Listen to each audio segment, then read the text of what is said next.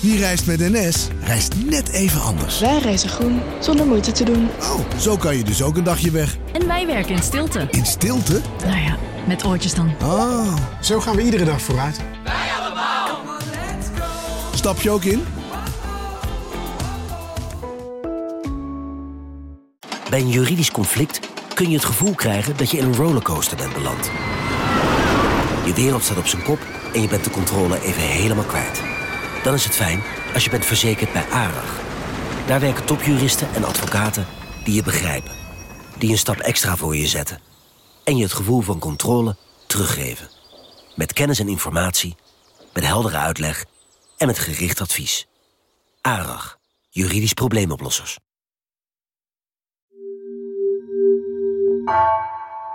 Hey, Floor hier.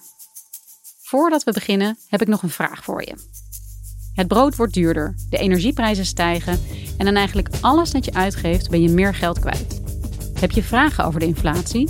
Over wat het bijvoorbeeld voor jou betekent of waardoor het komt?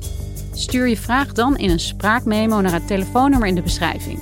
En wie weet hoor je je vraag maandag terug in de aflevering van vandaag. Vanaf de redactie van NRC het verhaal van vandaag. Mijn naam is Floor Boon.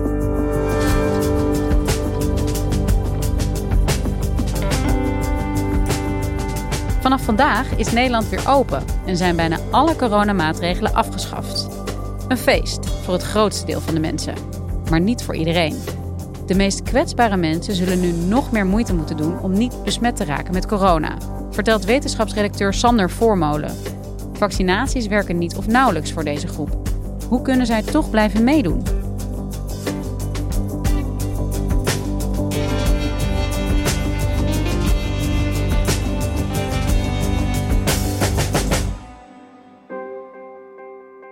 Ik ben uh, Niels Vlaar, ik ben uh, 46 jaar oud. Ik uh, woon in Haarlem samen met mijn vrouw Sam en twee kinderen, Amelie en Thibaut. Ik werk in de wijnhandel, mijn grote passie. En ik heb als een van de weinigen in Nederland primair progressieve MS. Daardoor val ik in de, de extra kwetsbare groep als het gaat om, om corona. Ik krijg eens per half jaar krijg ik een middel dat heet ocrelizumab. En die zorgt ervoor dat de progressie van de ziekte geremd wordt. In ieder geval, uh, wat het doet is, is dat het een invloed heeft op mijn immuunsysteem. Waardoor ik extra bevattelijk ben voor infectieziekten. Net als corona. Dus wij kregen vanuit de VUMC en alle andere ziekenhuizen natuurlijk wel echt de waarschuwing van wees voorzichtig. Uh, dus ja, dat, dat heb ik toen ook wel gedaan.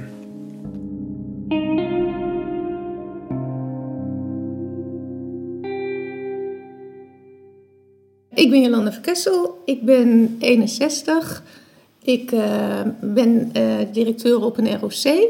Alleen op dit moment natuurlijk ziek thuis, omdat dat niet kan vanwege corona.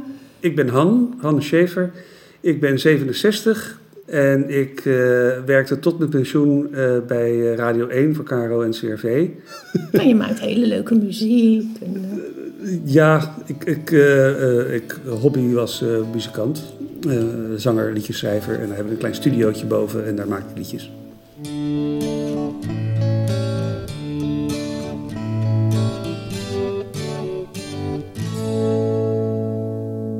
Wat tijd staat stil, wie weet hoe lang. Schuilen thuis, die is niet bang. Corona heeft ons in de ban. Tijd staat stil, wie weet hoe lang. Schuilen thuis, wie is niet bang. Corona heeft ons in de ban. Ik uh, heb, uh, ja, ik, ik denk ongeveer 18 jaar geleden. Ja, het is, ik, ik was aan het klimmen en uh, toen voelde ik hier iets. Ze hebben eigenlijk niet zoveel acht opgeslagen. Dus, dus je had een helm op, hè? Ik had een helm op voor het klimmen, hè? Die, die irriteerde je. Maar ja, ik was 42 of zo. Dus helemaal geen, geen aandacht aan gezet. En ik geloof ik pas een half jaar later een keer naar de dokter gaan. En die zei ook wel, valt wel mee. Maar toen bleek toch een jaar later ongeveer dat het niet meeviel. En dat ik inderdaad non-Hodgkin heb. Er zijn 27 soorten van. Ik heb een laaggradige soort, dus hij groeit redelijk langzaam. Komt bijna nooit voor, vier keer per jaar in Nederland. En eigenlijk alleen bij 80-plussers. Daar heb ik een medicijn voor gekregen. was eigenlijk een experimenteel medicijn, dus ik was al heel blij dat er nog iets was. Nou, en die bleek bij mij echt goed aan te slaan, want het was in ieder geval eh, drie maanden geleden niet meer zichtbaar en niet meer actief. Er is alleen een heel groot nadeel aan het medicijn, dat het ervoor zorgt dat je geen immuuncellen aanmaakt, geen immuunstoffen. En verder heb ik natuurlijk allerlei antistoffen in mijn lichaam van alle ziektes die ik opnieuw ben gevaccineerd na de stamceltransplantatie. Dus ik word niet ziek van rode hond of weet ik veel wat. Want dan denken mensen dan, oh, dan wordt ze van elk dingetje wat langskomt ziek. Maar ik ben nooit ziek. Ben echt, ik ben geen, geen, geen tien jaar, nou nog langer, ik zelfs maar niet verkouden geweest of zo. Maar ja, als ik corona, dat is zo besmettelijk. Mijn arts zegt, er hoeft maar iemand langs je te lopen en je hebt kans dat je het hebt. En ja, je hoeft niet dood te gaan, maar de kans is wel zeer aanwezig dat het gebeurt. En in ieder geval dat je er dood en dood en dood ziek van wordt.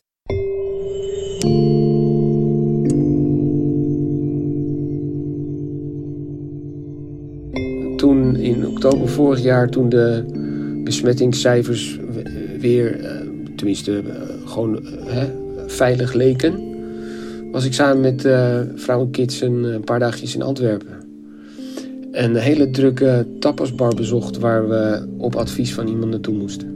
Dus ik, ik vermoed dat ik het daar heb opgelopen.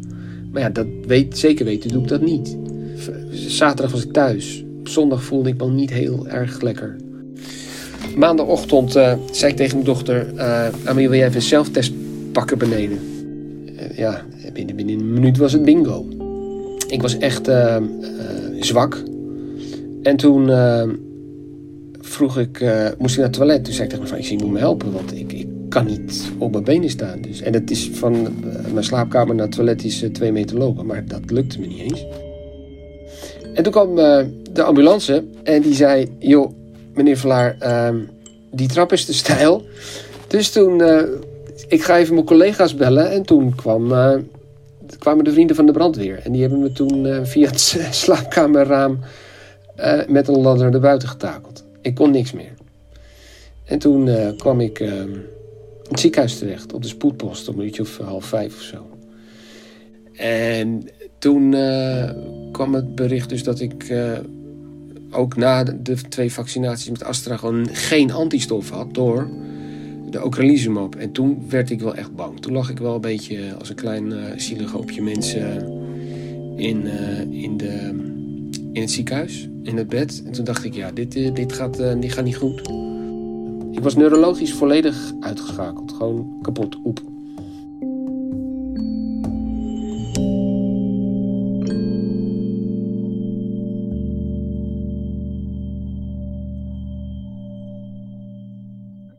Ja, want Sander, uh, voor heel veel mensen in Nederland is dit een fijn, misschien zelfs feestelijk moment. De maatregelen worden allemaal afgeschaft en ja, we kunnen terug naar normaal, zou je kunnen zeggen.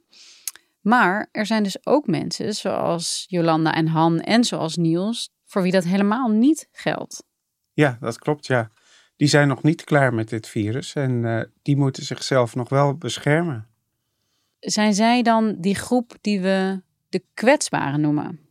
Ja, kwetsbare is natuurlijk een rekkelijk begrip. Uh, in het begin hebben we het ook vooral veel gehad over ouderen, die natuurlijk minder goede afweer hebben en daardoor ook uh, bevattelijker zijn voor corona. Maar dit gaat dus over een, uh, een groep van echt kwetsbaren, die dus ook in sommige gevallen helemaal geen afweer kunnen opbouwen of een veel mindere afweer hebben. En daardoor dus elke keer in, in gevaar zijn uh, als er weer corona in hun buurt komt. En over wie hebben we het dan precies? Hoe groot is deze groep echt kwetsbaren? Ja, het gaat er ongeveer om 100.000 Nederlanders. Dus dat is best een, uh, een grote groep. En dan moet je denken aan mensen die uh, een transplantatie hebben gehad. Er zijn bijvoorbeeld al uh, 10.000 niertransplantatiepatiënten in Nederland maar ook andere organen worden getransplanteerd. Dan zijn er mensen die hebben een afweerstoornis, al niet aangeboren of door uh, een bepaalde vorm van bloedkanker. En ja, zo zijn er dus een heleboel groepen eigenlijk die, die allemaal anders reageren op besmetting en op vaccinatie. Als je dus gevaccineerd uh, bent, dan bouw je antistoffen op. bij deze mensen gaan die antistoffen ook weer snel naar beneden. Maar je weet niet hoe snel je ze weer kwijtraakt. Dus ja, dat, dat blijft onvoorspelbaar. Maar de kans dat ze heel erg ziek worden of eventueel zelfs zouden overlijden is dus wel veel groter. Ja, ja, zeker. Dus toen uh, heb ik een uh, behandeling gekregen met uh, monoclonale antistoffen. Dus wat ik geloof de voormalige president van de Verenigde Staten ook toegediend kreeg, meneer Trump. En toen ging het eigenlijk ehm, ook langzamerhand weer beter. En toen zeiden ze op donderdag eigenlijk al: Je mag morgen naar huis. En dat was eigenlijk wel een soort van grote verrassing ook voor iedereen daar, dat ik zo snel herstelde. Uh, dus ja, dat was. Ik, ja, geluk achteraf. En dan gaat het, het, het hele traject gaat dan weer verder. Want in overleg ook met de neuroloog. Ja, je wil ook niet dat de MS weer gaat opspelen. dus het is een beetje kiezen tussen twee kwaden. Hoe ga je het plannen? Wat is nou handig qua antistoffen? Blijf je beschermd? dus ik heb twee weken terug weer een dosis eh, MS-medicatie gehad. Dus nu is het weer zo dat ik weer in, ja, toch weer in een periode zit waarbij ik weer extra kwetsbaar ben. Omdat mijn antistoffen weer een beetje worden opgegeten door, uh, door de ocrelizumab.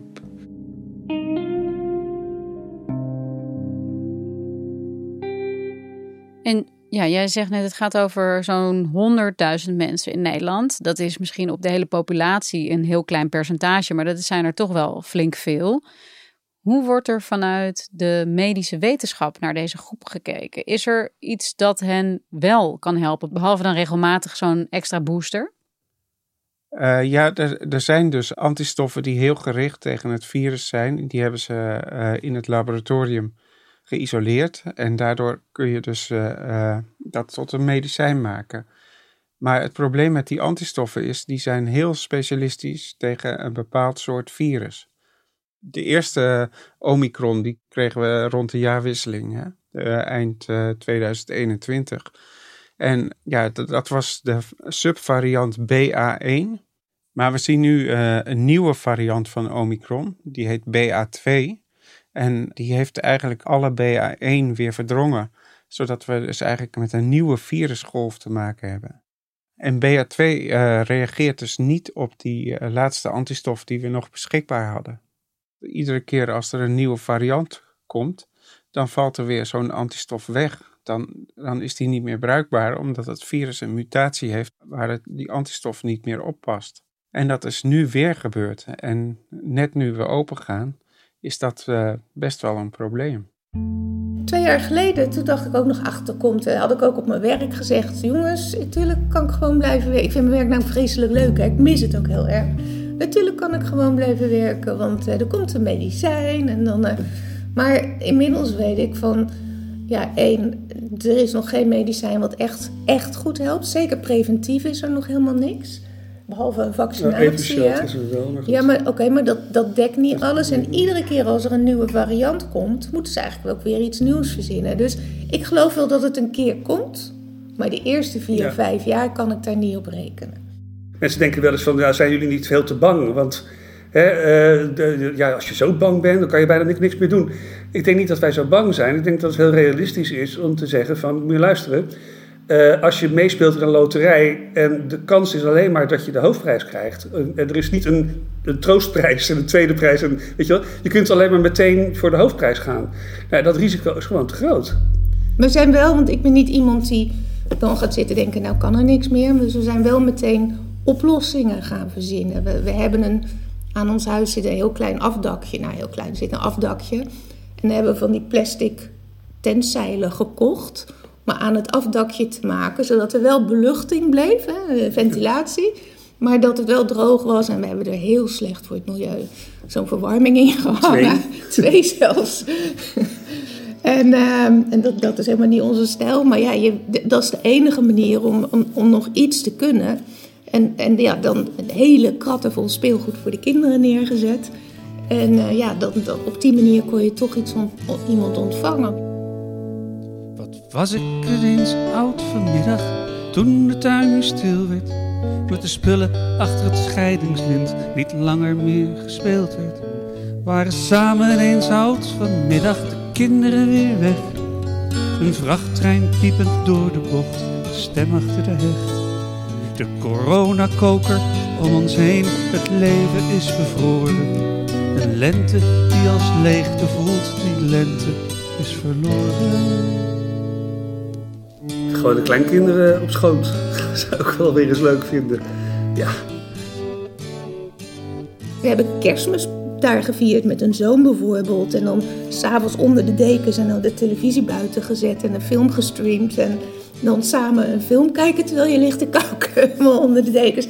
Ja, dat soort dingen om iets mogelijk te maken. Maar het is altijd, op het moment is het al fijn, maar ja, je voelt tegelijkertijd als de knop dan uitgaat, dan voel je eigenlijk hoe onecht Hoe leeg en het hoe leeg het allemaal is. ja en het, het zinnetje wat ik eh, het meest eh, kenmerkend vind bijna voor deze hele periode is van... Zo is het toch ook best leuk. Ja. Ja. En dat, zullen heel, dat geldt natuurlijk niet alleen voor ons. Hè. Dat geldt voor, al voor heel Nederland, voor iedereen die in die situatie heeft gezeten de afgelopen twee jaar. Het verschil is alleen dat eh, ja, voor, voor heel veel mensen het nu klaar is, zogenaamd. Eh, moeten we nog maar afwachten. Maar goed, in ieder geval gaan de maatregelen eraf. En eh, ja, voor ons is het nog lang niet klaar. Dat is, dat is het belangrijke verschil, denk ik. Het klinkt eigenlijk wel ook wel heel eenzaam. Dat er dus een kleine eh, groep van toch relatief best wat mensen zijn die eh, helemaal niet uitkijken naar deze opening van de samenleving. Voor wie het leven misschien eigenlijk alleen maar ingewikkelder wordt. Wordt er een beetje rekening met hen gehouden? Ja, een aantal bezorgde patiënten heeft nu een brandbrief gestuurd aan de minister, aan Ernst Kuipers. En die vragen daarin om eh, extra maatregelen, speciaal voor hun groep. Zodat ze bijvoorbeeld eh, compensatie krijgen voor het aanschaffen van eh, speciale mondkapjes. Want ja, de, de normale mondkapjes die wij altijd hebben gebruikt, die zijn eigenlijk niet goed genoeg voor deze patiënten. Ze moeten echt een FFP2-masker op. En dat, ja, dat, dat beschermt hen veel beter tegen die virussen. Maar die zijn kostbaar. Die zijn kostbaar. En ja, dan nog is het voor die mensen natuurlijk eh, best wel een risico om, om je in het openbare leven te begeven. En het is ook niet fijn als je ergens komt, toch wel heel erg op je hoede moet zijn om, om niet besmet te raken. Dus zelfs als ze bij familie op bezoek gaan of eh, met vrienden zijn, dan moeten zij dus altijd een mondkapje op. Het blijft natuurlijk lastig, want je kunt niet de hele samenleving gijzelen voor een groep van eh, 100.000. Ja, dus dat, dat is een hele lastige politieke afweging. Eh, la- Laat die, die maatregelen er lekker af, dat iedereen kan leven. Als ik, binnenkort is het weer Sea Jazz Festival. Daar ben ik een paar jaar geleden naartoe geweest. Nou, als ik er naartoe kon gaan, dat, dat is een, een genot van, van hier tot Tokio om daar te zijn. Dus dat gun ik mensen. Ik kan er echt nooit meer naartoe, dat weet ik. Maar wat wel kan, is dat een museum één ochtend in de week zegt: deze ochtend dragen wij mondkapjes en we houden anderhalve meter afstand. Dat kan ook best in een theater een keer. Dat kan ook, weet ik veel wat, in, een- in, een, in een De supermarkt. in de supermarkt op de ochtend. Wij, kunnen alleen maar één keer per week hier de boodschappen laten komen. Ja, en als je een dag later denkt van ik heb daar trek in, ja, vergeet het maar, dat kan niet. Je zou ook kunnen denken aan een speciale coupé in de trein voor mensen met een eh, mondmasker. En dus dat er daar een verplichting eh, geldt voor, om altijd een mondkapje te dragen. Ik ben nog van de generatie dat we rokers en niet-rokers coupés hadden. Dus het kan wel. Nou ja, het klinkt ook eigenlijk wel slim en relatief eenvoudig, eh, waardoor je deze mensen toch een plek kunt geven. Wordt hier dan ook naar geluisterd? Ik heb deze oplossing in ieder geval in het beleid nog niet gehoord. Nee, nee die, die zijn eh, vrijwel afwezig in het beleid. En ja, ik denk dat er ook zoveel nog te regelen is dat het even buiten, buiten beeld is gebleven. Maar het is voor deze mensen natuurlijk wel heel belangrijk dat zij ook weer eh, kunnen meedoen aan het sociale leven. Ik ben dolblij dat de horeca open is. eh, en en dat is één. Daar, dat is ook goed. Maar ik ga niet in een café staan. Dat ga ik echt niet doen. Na mijn avontuur vorig jaar in die tapasbar in Antwerpen, mijt ik gewoon drukke plekken. Ik ga niet uh, schouder aan schouder in een, uh, in een café staan. Uh, dan, dan ga ik het echt opzoeken. En ik hoop echt dat Omicron aan voorbij gaat. Ik, eenmaal één, één keer de ervaring is meer dan genoeg, vind ik. We hebben nog wel één hele belangrijke maatregel. Dat als je ziek bent, dat je dan niet je huis uitgaat. En, en als je niet klachtenvrij bent, ga je ook niet de straat op. En dat is natuurlijk wel een hele belangrijke maatregel. Die moet blijven om, om te voorkomen dat uh, de besmettingen zich nog verspreiden. Dus het is vooral van belang dat iedereen zich daar ook aan blijft houden. Ja, precies. Dankjewel, Sander. Graag gedaan.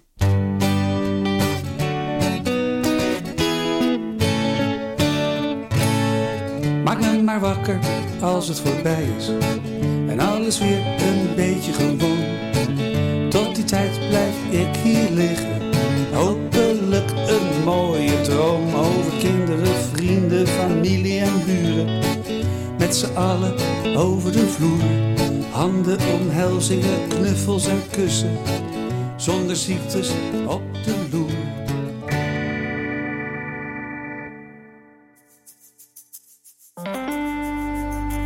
Je luisterde naar vandaag, een podcast van NRC. Eén verhaal, elke dag. Deze aflevering werd gemaakt door Anna Korterink, Mila Marie Bleeksma en Jeppe van Kesteren. Dit was vandaag. Morgen weer.